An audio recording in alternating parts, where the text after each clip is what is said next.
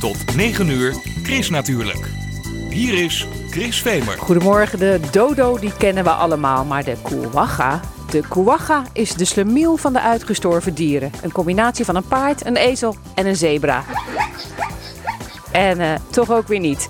Chris natuurlijk eert vandaag de uitgestorven kuwaga. De bosuil is gelukkig nog lang niet uitgestorven en hij heeft nu de lente al in zijn kop. De roep van de bosuil hoor je in veel spannende films. Films kijken kan er tegenwoordig overal. Zelfs in de hal van Rotterdam Centraal. Daar staat een tijdelijke bioscoop. De natuurbeelden van Nieuw-Zeeland zuigen je zo naar binnen. Ondertussen maakt Abdelkader Benali een filmpje over streetfood. Van gebakken vis uit Marokko tot uierboord uit Rotterdam. Ja, van de uiers van een koe. Alles over de geschiedenis van eten leer je in de nieuwe tentoonstelling in het Wereldmuseum. Binnenkort open, maar nu al in. Chris natuurlijk. Met Chris Vemer.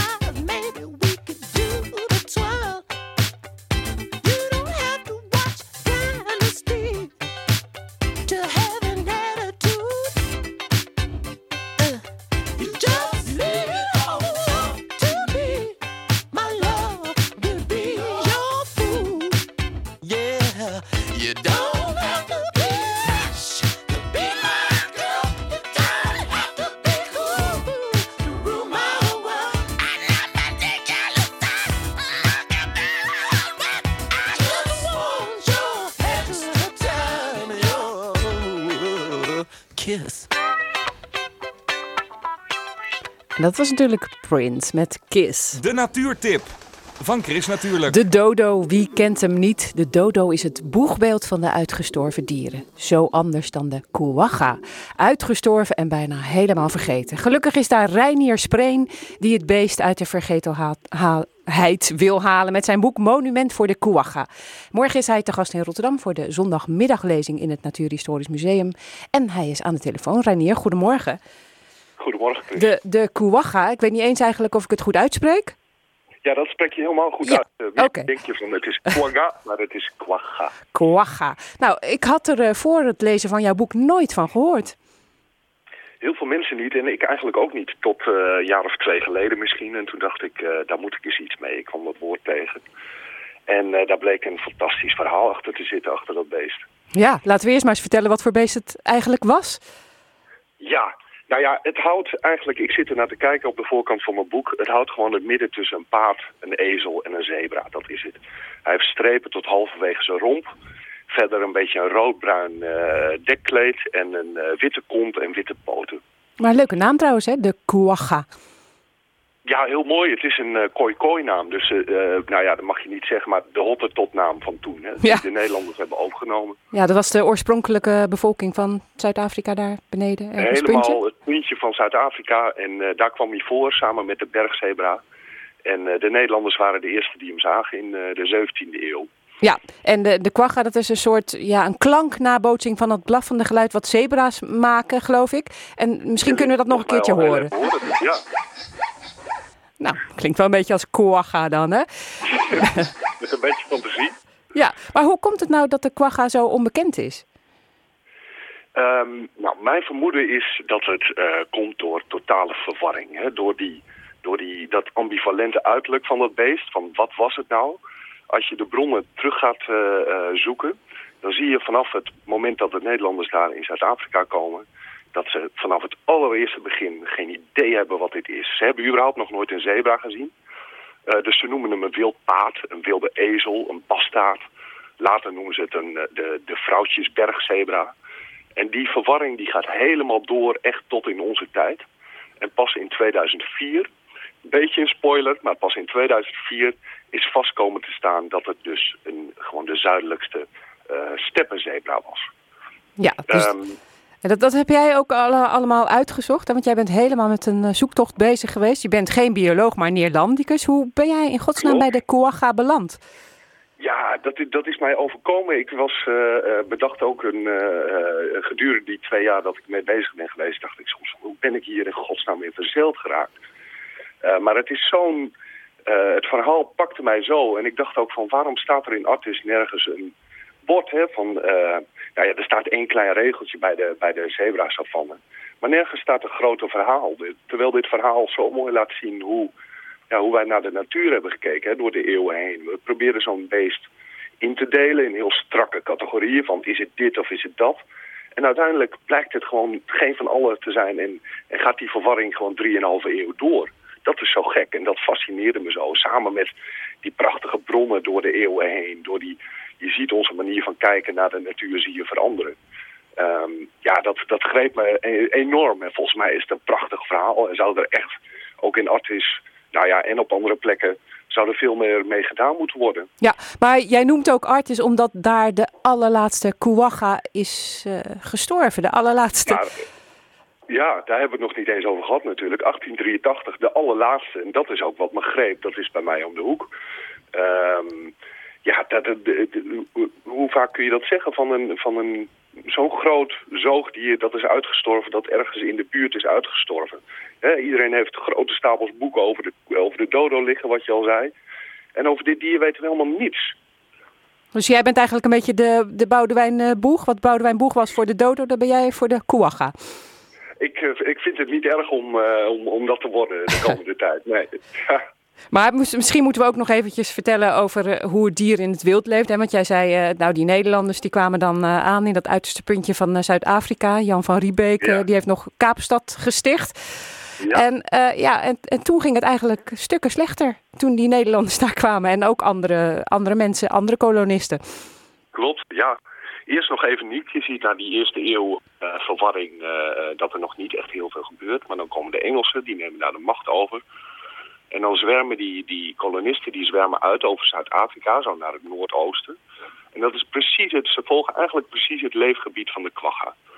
En ehm, je ziet gewoon in de bronnen dat overal waar zij komen, daar sterft die kwagga uit. Of daar verdwijnt die.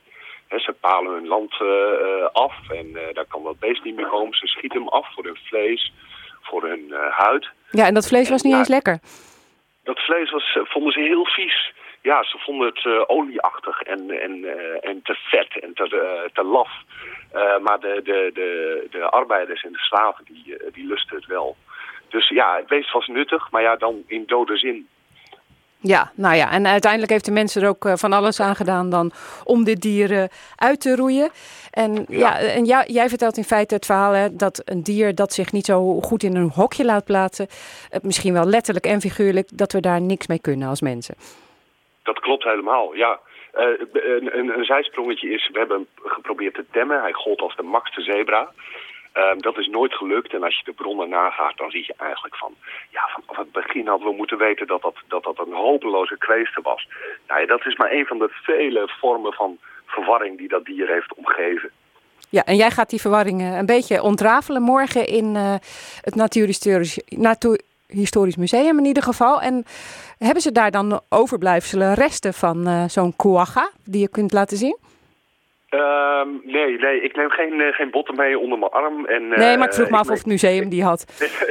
ja, ik meen ook niet dat ze daar iets hebben staan. Maar de laatste staat in, eh, is van het eh, Amsterdam Museum, eh, eh, Amsterdam Zoologisch Museum nu naar eh, Naturalis verhuisd. En daar wordt hij niet tentoongesteld omdat hij er eigenlijk te slecht aan toe is. Ja, eigenlijk wel heel jammer dat het zo ik heel eindigt. erg jammer vind. Ja, Ja. ja, ja. Maar ik had ook begrepen dat ze weer bezig zijn om dat dier eh, terug te zetten met eh, oude genen zo van dit beest. Van oude, oud Dat is een DNA-materiaal. bizar verhaal. Eh, Er is, een, er is een Duitser geweest die wilde zorgen voor eerherstel voor dit dier. En die wilde hem gaan terugfokken. Nou, daarvoor moest hij bewijzen dat het een steppenzebra was. Waardoor hij met steppenzebra's kon gaan terugfokken. Ehm, nou, dat is uiteindelijk, eh, eh, eh, zo is het dus uiteindelijk een, een steppenzebra geworden. Hij is nu bezig, die man is dood. Maar in Zuid-Afrika loopt een groot project waarin met lichtgekleurde noordelijke steppenzebra's wordt geprobeerd om op kwagga gelijkende kwagga's weer terug te fokken. En lukt maar het? er zijn heel veel wetenschappers die zeggen van ja, dat is een onzinnig iets. Want dood is dood en dit, dit kan niet. Kun je niet terugfokken. Nee, nou ja, het is jammer. Maar morgen dan hoor je veel meer over de Kuaga in de lezing eh, zondagmiddag in het Natuurhistorisch. En die lezing die begint om drie uur.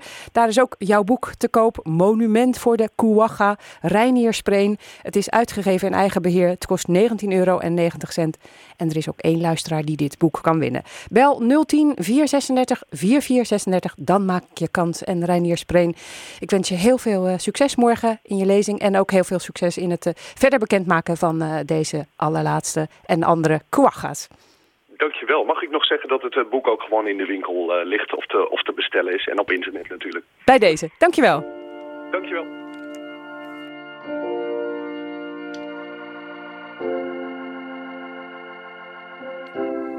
Seconds from my heart, a bullet from the door. Helpless, I surrender, shackled by your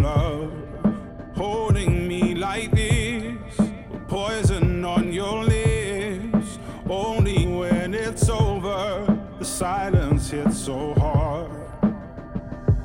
Cause it was almost love, it was almost love. It was almost love. It was almost love. When I heard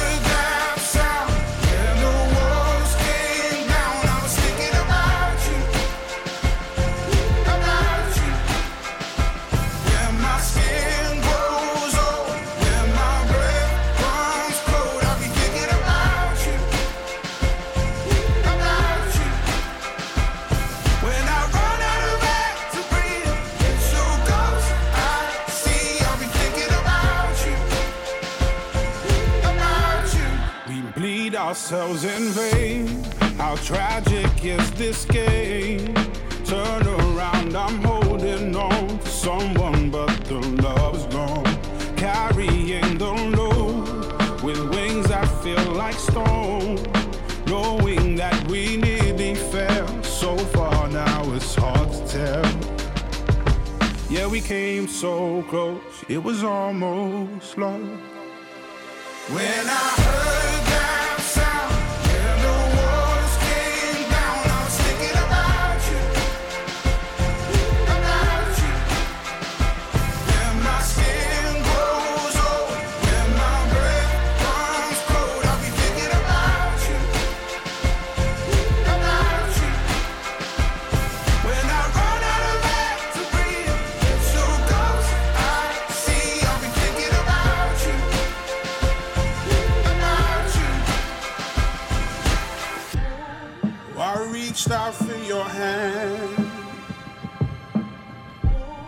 When the walls are caving in.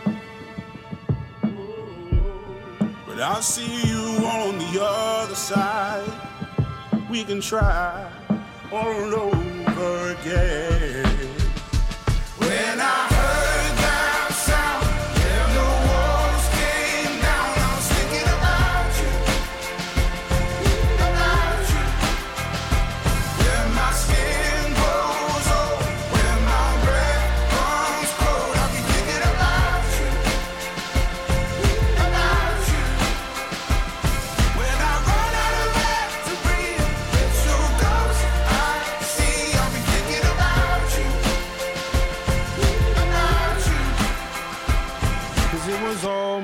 Love. It was almost love. It was almost love. It was almost love. Ik weet doen jullie dat ook wel eens? eh, even kijken op die neushoorn-webcams. want eh, die Indische neushoorn Namaste, die is eh, zwanger. Die staat op het punt van bevallen. En dan kan je hem volgen op de webcams van Diergaarde Blijdorp. En dat is hartstikke leuk. Hij is nu een beetje, of hij, zij natuurlijk, is lekker een hapje aan het eten. Dus eh, nog geen teken van, eh, van bevallingen. Maar het is wel eh, een leuke tip om daar af en toe eventjes te speuren. Want wie weet maak je wel live de bevalling mee. Schrijver Abdelkader Benali die houdt van lekker eten. Nu is hij druk bezig met de voorbereidingen voor de tentoonstelling Ik kook, dus ik ben in het Wereldmuseum Rotterdam. Gastconservator Abdelkader die neemt je daarin mee op reis door de keuken en de rol van voedsel in ons aardse bestaan. Chris natuurlijk is op de Westkruiskade waar de schrijver een filmpje maakt voor de tentoonstelling. Attentie gaan draaien. 16, take 3 en actie. Ja, ik ga nu naar binnen bij vishandel Andalus op de Westkruiskade. Om erachter te komen waarom Marokkanen zo goed vis kunnen bakken. Dat is mijn volstrekt raadsel. Abdelkader, ik pik jou op midden in het maken van een filmpje voor de nieuwe tentoonstelling in het Wereldmuseum. Juist ja, ik kook dus ik ben in het Wereldmuseum vanaf 10 februari. De geschiedenis van ons eten. En eh, we vertellen dat verhaal aan de hand van de, van de kunstvoorwerpen en de objecten van het Wereldmuseum. Lepels, borden, tafelmanieren, kookboeken. Je gaat het allemaal zien. En eh, in zaal 5, de, de, de, de, grote zaal, waarin we aandacht besteden aan het straatvoedsel van Rotterdam. Want Rotterdam is straatvoedselhoofdstad nummer 1 in de wereld. Het is bizar. Maar je kan in Rotterdam, van Centraal Station tot Charloes, kan je op straat eten en drinken. En in die zaal maken we een film waarin ik door Rotterdam fladder en overal in en uit loop en het echte Rotterdamse voedsel eet. Zoals dan hier een gebakken visje. Klopt, ja, hier gebakken Andalus. Dat is echt een begrip. Maar ik heb dus ook net voor het eerst in mijn leven een broodje uienboord gegeten. Weet je wel, arbeidersbiefstuk, je, koeientiet. Ik heb eh, de beste koffie van Rotterdam en omstreken gedronken bij Man met Bril in het Oude Noorden. Een Oude Noorden. Ik ben daar opgegroeid. Daar wilde je niet doodgevonden worden. En nu is er een soort van, onder die oude Hoofdpleinlijn, is er in, in, in- in- nou ja, een soort van koffielaboratorium waarin koffie wordt gemaakt die tot op de gram wordt afgewogen. Dan druppelt hij in het kopje. Nou, dat is, dat, dit is gewoon een koffie-experiment, laboratorium. Wat gebeurt hier gewoon in Rotterdam? Maar deze tentoonstelling en ook het filmpje wat je maakt, dat is echt gewoon spekkie naar je bekkie. Spekje hebben, ja, natuurlijk, ja, het is gewoon eten, drinken en nog over lullen ook. Want ik kom natuurlijk uit deze stad. En, deze, en, en wat, wat, wat dit filmpje voor mij betekent, wat ik zie, is hoe deze stad in een ongelooflijk rap tempo culinair volwassen aan het worden is. En eh, sterker nog, er is hier experiment, er worden hier nieuwe dingen bedacht, maar ook de oude dingen worden nog beter gemaakt. Net bij Bram Ladage, friet gegeten. Het is heel speciaal. In het Wereldmuseum is veel meer te zien. Dan gaat het ook echt terug in de tijd. Hoe ver gaan jullie terug? We gaan tot 4.500 jaar terug. We gaan terug naar de alle, allereerste recepten die zijn gemaakt. Kleitabletten, gevonden in Mesopotamië. We hebben van die kleitabletten hebben we 3D-prints gemaakt. Dus je kunt een kleitablet in je hand pakken en erop lezen het allereerste recept wat is opgeschreven. Een recept voor soep en hartige sauzen, opgetekend door de oude Mesopotamiërs. En op dat moment sta je oog in oog met ja, onze vroegste beschaving. En die begint met lekker eten. Ja, lekker eten, maar ook met, met regeltjes, met rituelen. Ja, natuurlijk. En wie beter daarvoor eh, te raden te gaan dan eh, Erasmus? Erasmus van Rotterdam. Die man ging de hele wereld over. En altijd waar hij kwam, zag hij tafelmanieren. Hij zag hoe het hoort en hoe het, hoe het niet hoort. En schreef daar een boekje over voor jonge mensen. Van eh, als je aan tafel gaat zitten, drink dan niet uit andermans glas. Boeren, liever niet. Blijf van andermans bestek af. En ook, hele goede tip van Erasmus. Als je toch een scheet moet laten, doe het dan in stilte. Er staat hier nu echt een enorme vrachtwagen. Je haalt het vet op bij brandage, was ik net. Nou, dat vet, dat wordt maar, die olie wordt maar één keer gebruikt. En dit verkopen ze weer door. Weet je wat ze ermee doen? Het wordt gebruikt eh, als benzine. Voor auto's die op, eh, op, eh, op plantaardige olie lopen. Dus we kijken nu gewoon naar een olietank. Van de brandage. Zo leer jij iedere dag weer wat Ja, bij. ik word gewoon bijgepraat. Maar regels in het eten, die hebben natuurlijk ook vaak te maken met hygiëne. Natuurlijk, ja. Heeft ook te maken met hygiëne. Heeft ook te maken met eh, hoe je je gedraagt. En in Nederland, al heel vroeg heeft men door, aan tafel gebeurt het. Het hele idee van aan tafel zitten met je familie is een Nederlandse uitvinding. Dat, is niet, dat, dat was vroeger helemaal niet zo. Dan ging je niet aan tafel, je ging zitten en de kinderen moesten staan. Of in een andere kamer, vrouwen, mannen apart. En wat, wat vinden we hieruit in de lage landen? Nee hoor, we gaan samen aan tafel zitten en we gaan met elkaar kletsen over wat we hebben gegeten. Het is een Nederlandse uitvinding. En wat ik zo mooi vind aan, aan deze tentoonstelling die ik met Alexander van Dongen maakte, van de, van de curators van het Wereldmuseum. We zijn het gigantische depot van Wereldmuseum Rotterdam het Boymans binnengestapt. En hebben aan de hand van die kunstobjecten en voorwerpen hebben we een tentoonstelling kunnen maken waarin je onze verhouding tot eten en drinken door de eeuwen heen ziet veranderen. Ja, want jij mocht dus kiezen. Jij mocht Ja, voorwerpen kiezen. ja. Wat heb jij bijvoorbeeld gekozen? Nou, ik vond het heel bijzonder. Je komt in de Alexanderpolder, gigantisch depot. Het is eh, ontzettend koud. Na een half uur heb je wel echt je moet, een dikke jas nodig. En, en het ligt allemaal bijna voor het oprapen. En een van de leuke dingen is bijvoorbeeld eh saté. Weet je, bij rijsttafel. Maar in Indonesië is het een wandelaar. Is een man die heeft een juk. En dat is zijn winkel. Dat is een saté-winkel. Dat draagt hij op zijn schouders. En als hij dan overal mensen ziet eh, van oh, die willen hebben honger, gaat hij naar ze toe, gaat hij zitten, haalt een, haalt een lampje uit het, uit het apparaat. En dan stelt hij zijn spulletjes uit en begint hij saté te maken. En dat staat er gewoon in het depot. Dat hebben we gewoon in Rotterdam. Nou, dat laten we zien. We laten zien dat streetfood, omgangsvormen, servies van alle tijden is. We hebben bijvoorbeeld heel bijzonder servies uit Hotel Atlanta. Hotel Atlanta was in de jaren 30 hier in Rotterdam een, eh, een beroemd hotel, goed restaurant met heel veel jazz, muziek. En tijdens het bombardement is dat, is dat hotel gebombardeerd. Maar er is wel servies uit de puinhoop gehaald. Met de namen er nog op. Met de naam nog, en dat laten we ook zien. We laten, en, en door naar dat servies te kijken, hoor je ook gewoon weer die jazzklanken. Hoor je ook weer het vooroorlogse Rotterdam. Het gevoel van, oh ja, zo was het toen. Het was geen arme, lastige stad. Nee, je ging gewoon groot uit dineren in dat hotel. En er was jazzmuziek uit Amerika, van zwarte muzikanten. Rotterdam was toen een cosmopolitische stad. En dat servies, wat uit, het, uit die puinhoop is gered, herinnert ons daaraan. Maar het is dus echt een tentoonstelling hier voor Rotterdam. Dus voor Rotterdam, want, want wat ik heb ontdekt is, de wereld, hoe wij omgaan met eten, onze, onze, onze specerijen, onze kruiden, zijn allemaal in Rotterdam. Rotterdam is een echte cosmopolitische stad, waarvan eeuwen her al dingen naartoe komen, die worden gegeten en gedronken. En, wij, en wat wij doen in het Wereldmuseum, wij geven dat terug aan de Rotterdammers. Je komt binnen met een lege maag en je gaat naar buiten en je wil meteen de hele wereld bij elkaar eten. Iedereen komt, het wordt geweldig. Feest voor de zintuigen. Ik moet weer, ik moet weer draaien, want er wacht een gebakken visje op me. Succes! Dankjewel. We gaan, we gaan filmen. Hij is een geboren acteur. Hè. Ja, daarom.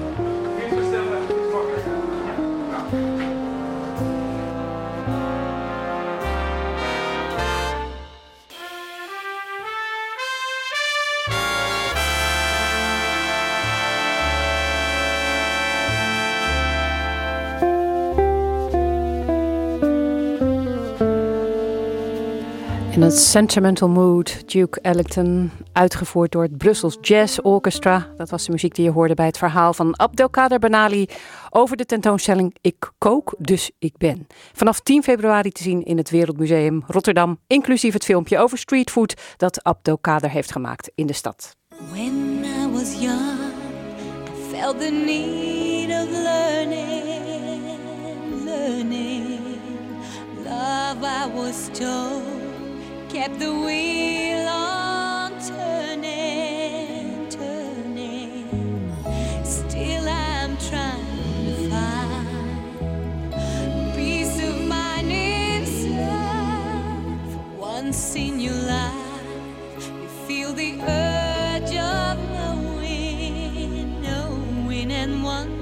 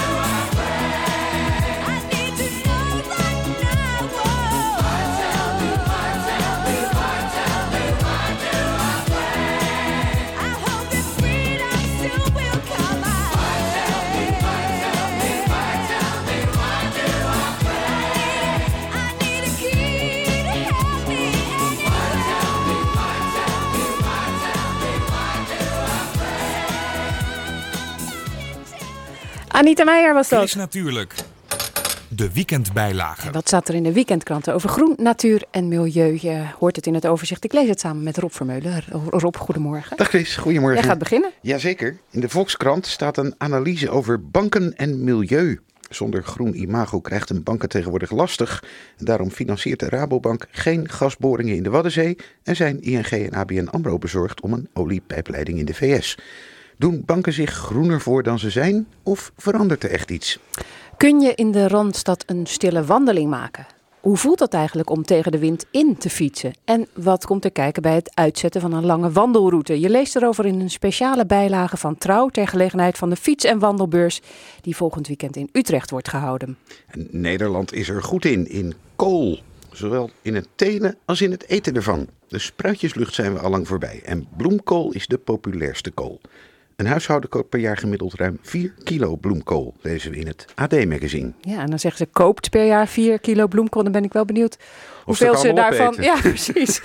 Het debat over het wel of niet eh, afschieten van de grote grazers in de Oostvaardersplassen verhardt, schrijft Trouw. SGP en VVD in Flevoland vinden dat de grote kudde grazers het natuurgebied te veel hebben kaalgevreten en toeristisch onaantrekkelijk maken. Laat de grote grazers met rust, vinden anderen weer. Woensdag, woensdag dan stemt de politiek eh, over de kwestie, de politiek in Flevoland.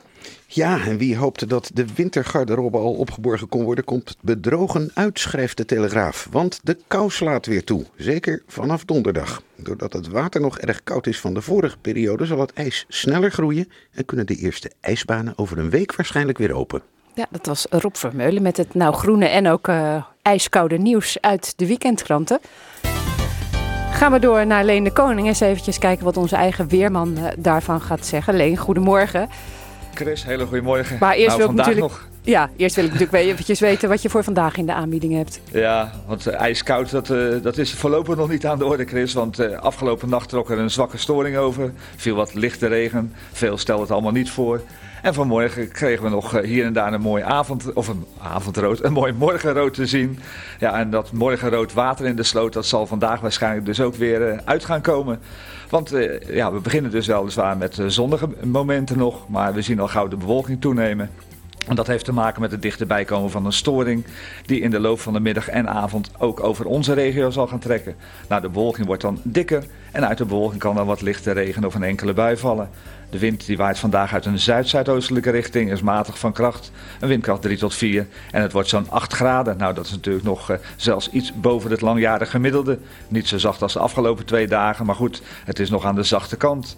Nou, later vanavond en vannacht wordt het dan overal droog. Er volgen zelfs een paar opklaringen. Kan ook wat nevelig worden. En de minimumtemperatuur gaat terug naar zo'n plus 1 tot plus 2 graden. Morgen overdag zien we vrij veel wolkenvelden. Maar hier en daar kan toch tussen die bewolking door de zon even doorbreken. Het blijft dan vrijwel overal droog. En er waait een matige wind, de windkracht 3 tot 4 uit een oost-zuidoostelijke richting. En de maximumtemperatuur morgen rond de 7 graden. Nou, die 7 graden die halen we ook op maandag. Ook dan vrij veel wolkenvelden, slechts af en toe zon. De wind niet al te sterk, er staat dan maar een zwakke wind uit een oostelijke richting. En het blijft overal droog. Dat gaat dinsdag veranderen. Dat wordt dan een overgangsdag naar een eh, periode die dan volgt met licht wintersweer. Dinsdag is er veel bewolking. Een matige wind uit een oost-zuidoostelijke richting. En de maximumtemperatuur dan al wat lager, een graad of 6. En woensdag of donderdag, maar waarschijnlijk zal het al woensdag zijn, stroomt dan koude lucht binnen. We krijgen te maken met een hoge drukgebied. De wind die gaat uit een oost-noordoostelijke richting waaien. Dat betekent in de nacht en ochtend kans op lichte vorst. Maar overdag komt de temperatuur nog een paar graden boven het vriespunt uit. Dus ja, als je me diep in mijn hart kijkt, dan geloof ik niet dat het echt tot schaatsijs zal eh, gaan leiden. Maar het wordt wel weer lichtwinters. Oké, nou lichtwind is ook goed. Dankjewel en een heel fijn weekend. Hetzelfde.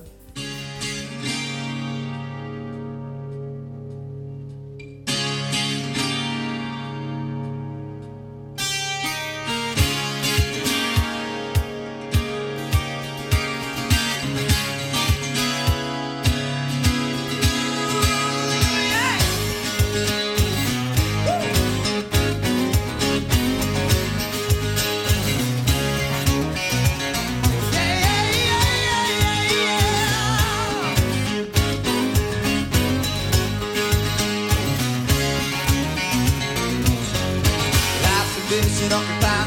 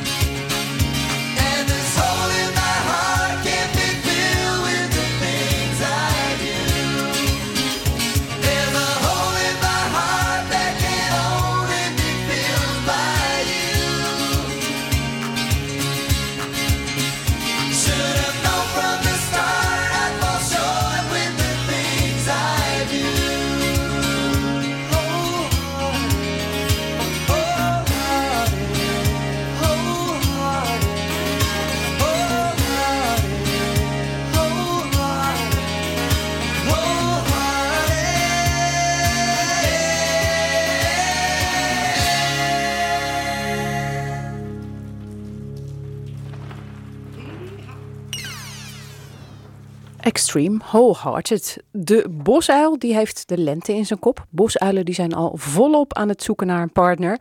Op een windstille avond kun je ze horen roepen in een park of in een bos. En dat wil Chris natuurlijk wel eens meemaken.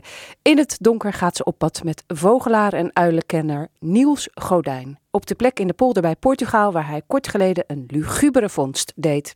We liepen hier, ik met mijn vriendin. En ja, we zagen op grote afstand al iets bungelen in het prikkeldraad. En ja, we zagen eigenlijk al gelijk van eh, dat is een uil in het prikkeldraad. En eh, toen we wat dichterbij kwamen bleek inderdaad dat het een bosuil was. Dit was eh, zo'n grote vogel, dat is een vrouwtje geweest. Was een triest gezicht. Dat kan je wel zeggen, ja. De tranen stonden bij sommige mensen in de ogen.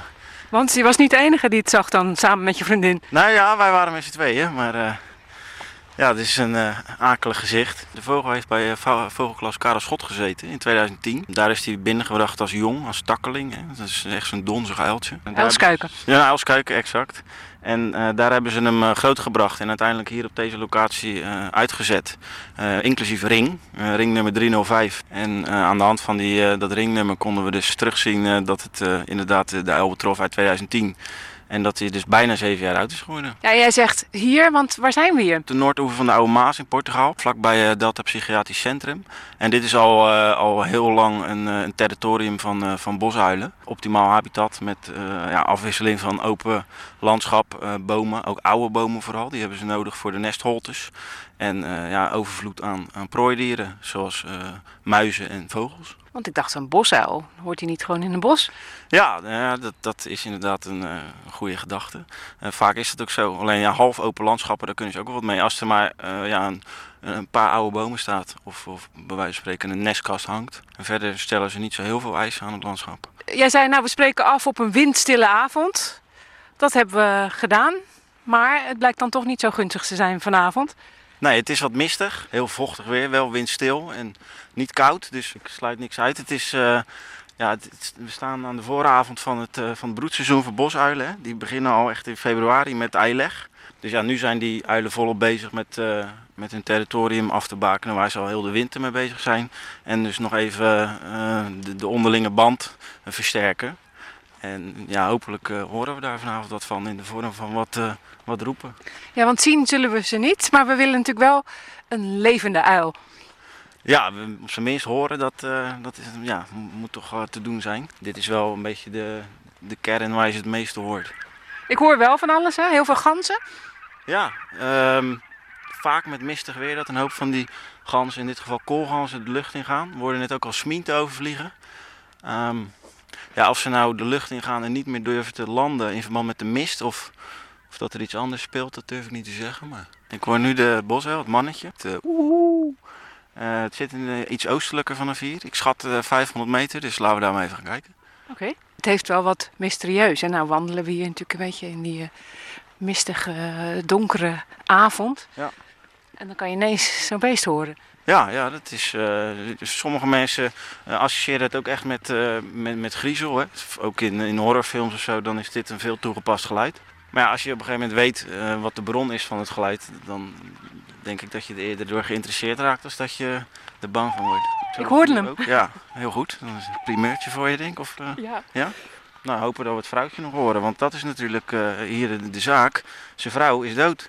Oh, dat was ook ja, zijn vrouwtje? Was, ja, daar, daar, gaan we natuurlijk vanuit. Dat, dat dier wat in 2010 hier is uitgezet, was een vrouw. Ja, die heeft hier dus al die tijd gezeten.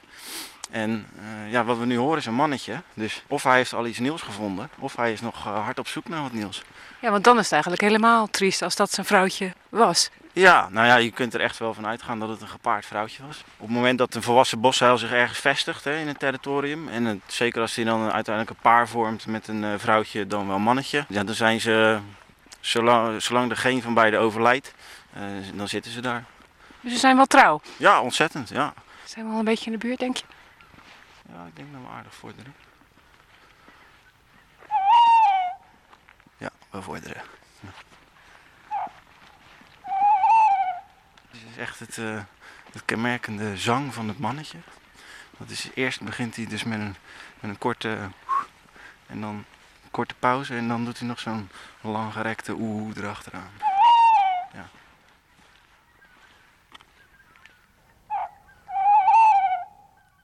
Ja, dit is mooi. Ja, en dit kun je dus overal eh, gewoon horen. Eh, ook in stadsparken zoals Zuiderpark op Rotterdam-Zuid. Of eh, het Euromastpark, daar zitten ook bosuilen. Gewoon s'avonds. Gewoon s'avonds, uh, vanaf de wc-dijk, vanuit de auto. Met een bakje warma. Het is maar een beetje een windstille avond, was wel belangrijk. Ja, en dan echt in deze periode, hè, het hele vroege voorjaar.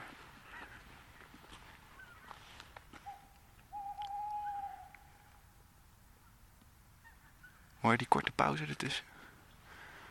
Hij doet het ook echt altijd twee keer. Ja, dit is echt eh, een kenmerkende zangstrofe. En het, het schijnt dus wel dat, verspreid over Europa, dat de pauze tussen de twee tonen, dat die wat varieert. Ja, je hoort eh, echt heel ver weg hoor je iets van een geluid wat lijkt op, op een vrouwtje. Ja, dat, dat is een veel hoger geluid. Dat is ook echt... eh pieuwiet. ja, dat- ja. Dus wij zijn getuigen van een romance. Ja, als het eh, uiteindelijk wat wordt, dan, eh, dan zal het ongetwijfeld romantisch zijn. Ja. Dan volgen er eh, spoedig eieren. En hoe lang duurt het dan voordat het ei uitkomt? Ja, ze leggen dus meestal twee à drie eieren.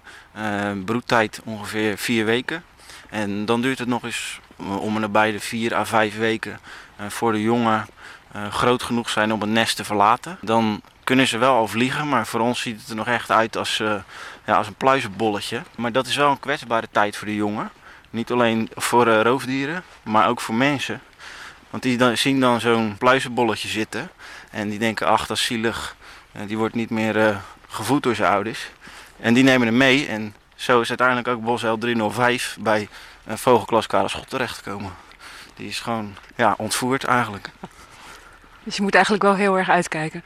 Nou, als je echt een jonge vogel vindt en je denkt dat hij niet meer eh, gevoerd wordt door zijn ouders, ja, hou hem in de gaten. Niet gelijk eh, op, oprapen of iets dergelijks. Nou, hier eindigt ons avontuur, maar we hebben ze in ieder geval wel vandaag gehoord. Toch heel erg leuk. Ja, ik ben inderdaad blij dat je ze hebt kunnen horen. En eh, we gaan ze in de gaten houden komend broedseizoen. Zegt Niels Godijn over de bosuilen in de Albrandswaard. They tried to make me go to rehab. I said no, no, no.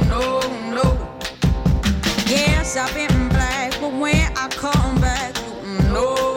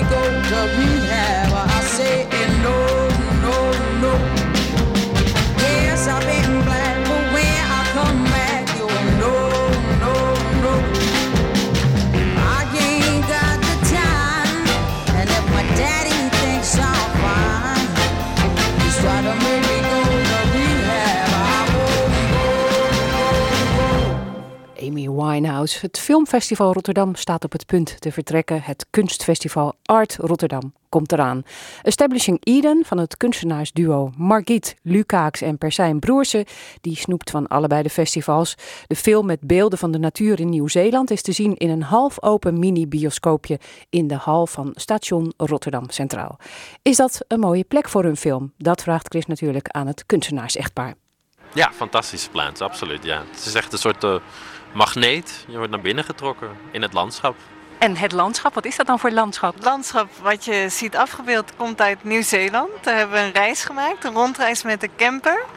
En eh, nou ja, het viel ons op dat op elke hoek stond geschreven: hier is Lord of the Rings opgenomen. Verbaast het jullie dat zij zo'n mooie plek nemen als achtergrond? Eh, nee, dat niet zozeer. Maar het is wel zo dat eh, zeg maar, de natuur is echt ingenomen door die filmindustrie. Om het te promoten als een nieuw land van Eden of een nieuw paradijs. En eh, wij vonden dat wel intrigerend. Want je, je bedenkt, je gaat naar Nieuw-Zeeland, je gaat inderdaad echt de natuur in. Maar wat blijkt die natuur? Die blijkt al dan te zijn overgenomen door de filmindustrie. Maar vonden jullie het jammer dat het eigenlijk al ingenomen was door Lord of the Rings, dat landschap? Het is ook niet heel erg avontuurlijk. Je moet je voorstellen, eh, Nieuw-Zeeland is prachtig. Maar je rijdt daar wel, eh, je hebt dan een, een eh, RV, een campervan. En je rijdt echt met de, ja, eigenlijk in kolonnes rijden langs al die Lord of the Rings plaatsen. En dat is natuurlijk, eh, ja, dat heeft...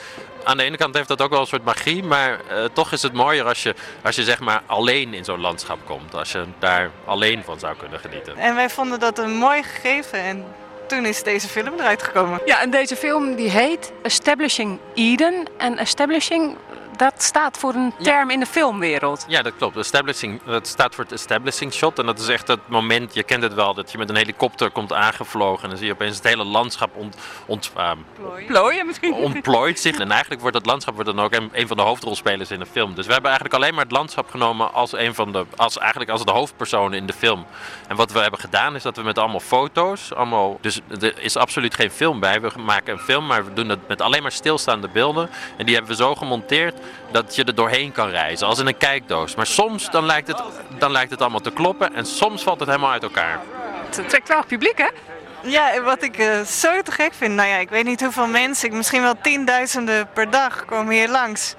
En die worden toch getrakteerd op deze film. Die ze normaal alleen eh, in een museum of in een filmfestival zouden kunnen zien. Zal ik eens even vragen wat ze ervan vinden? Ja. Hallo? Jullie komen kijken bij de film? Ja. Wat vinden jullie ervan? Wel, bijzonder. Het is gewoon, het is gewoon mooi. Herken je het landschap een beetje? Mm, eigenlijk niet. Lord of the Rings gezien iemand? ja, ik heb het wel gezien. But it's hard to recognize. Ja, het is, het is moeilijk om te herkennen, zeg maar. Ik kan niet weten wat het is precies, maar ik zie foto's en naar ja, bergen, dus ja, ik snap er helemaal niks van. Maar het is wel een leuke ja, om te zien, zeg maar. Leuk ook eh, hier op eh, Rotterdam CS? Ja, precies. Eigenlijk, ja, ja hier gewoon bij uh, deze station is, bij, is echt uh, is tof, ja. Ze zeiden, ja, we snappen er niet veel van. Nee, maar dat, dat kan best, maar dan kan je gewoon kijken. En dan kan je bedenken, voor iedereen kan het wat anders betekenen. Jullie zijn op het filmfestival, maar gaan nog even door straks met Art Rotterdam. Ja, dat klopt. eh, dat, eh, dat is zo. We zijn ook kunstenaars die tegelijkertijd op filmfestivals worden vertoond. Als op televisie, als op eh, echte museums. En, en Rotterdam Centraal Station. En Rotterdam Centraal Station, ja. Maar het past in beide festivals? Nou, het is wel bijzonder, want het, eh, de reden dat dit werk er is, is dat het het enige werk is wat op beide festivals te zien was. Trots? Ja, nee, dat is een hele grote eer. Ja, zeker. Nou, ik wens jullie nog mooie festivals toe. Dankjewel. En, Dankjewel. eh, jij ook. Dankjewel.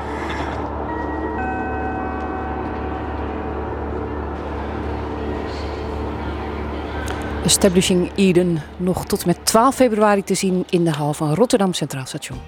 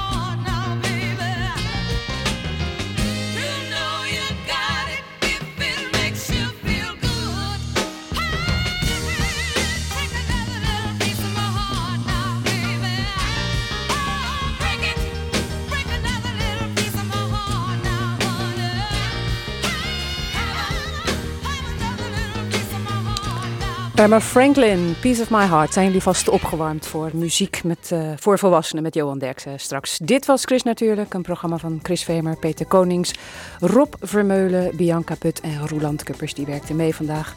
Ik wens jullie een heel fijn weekend. Volgende week dan krijgen we de Laatvlieger. Beter laat dan nooit. En eh, vergeet niet te kijken naar... eh, de zwangere neushoorn en de beelden daarvan naar masten uit Diergaarde Blijdorp op de webcam. Dag, tot volgende week.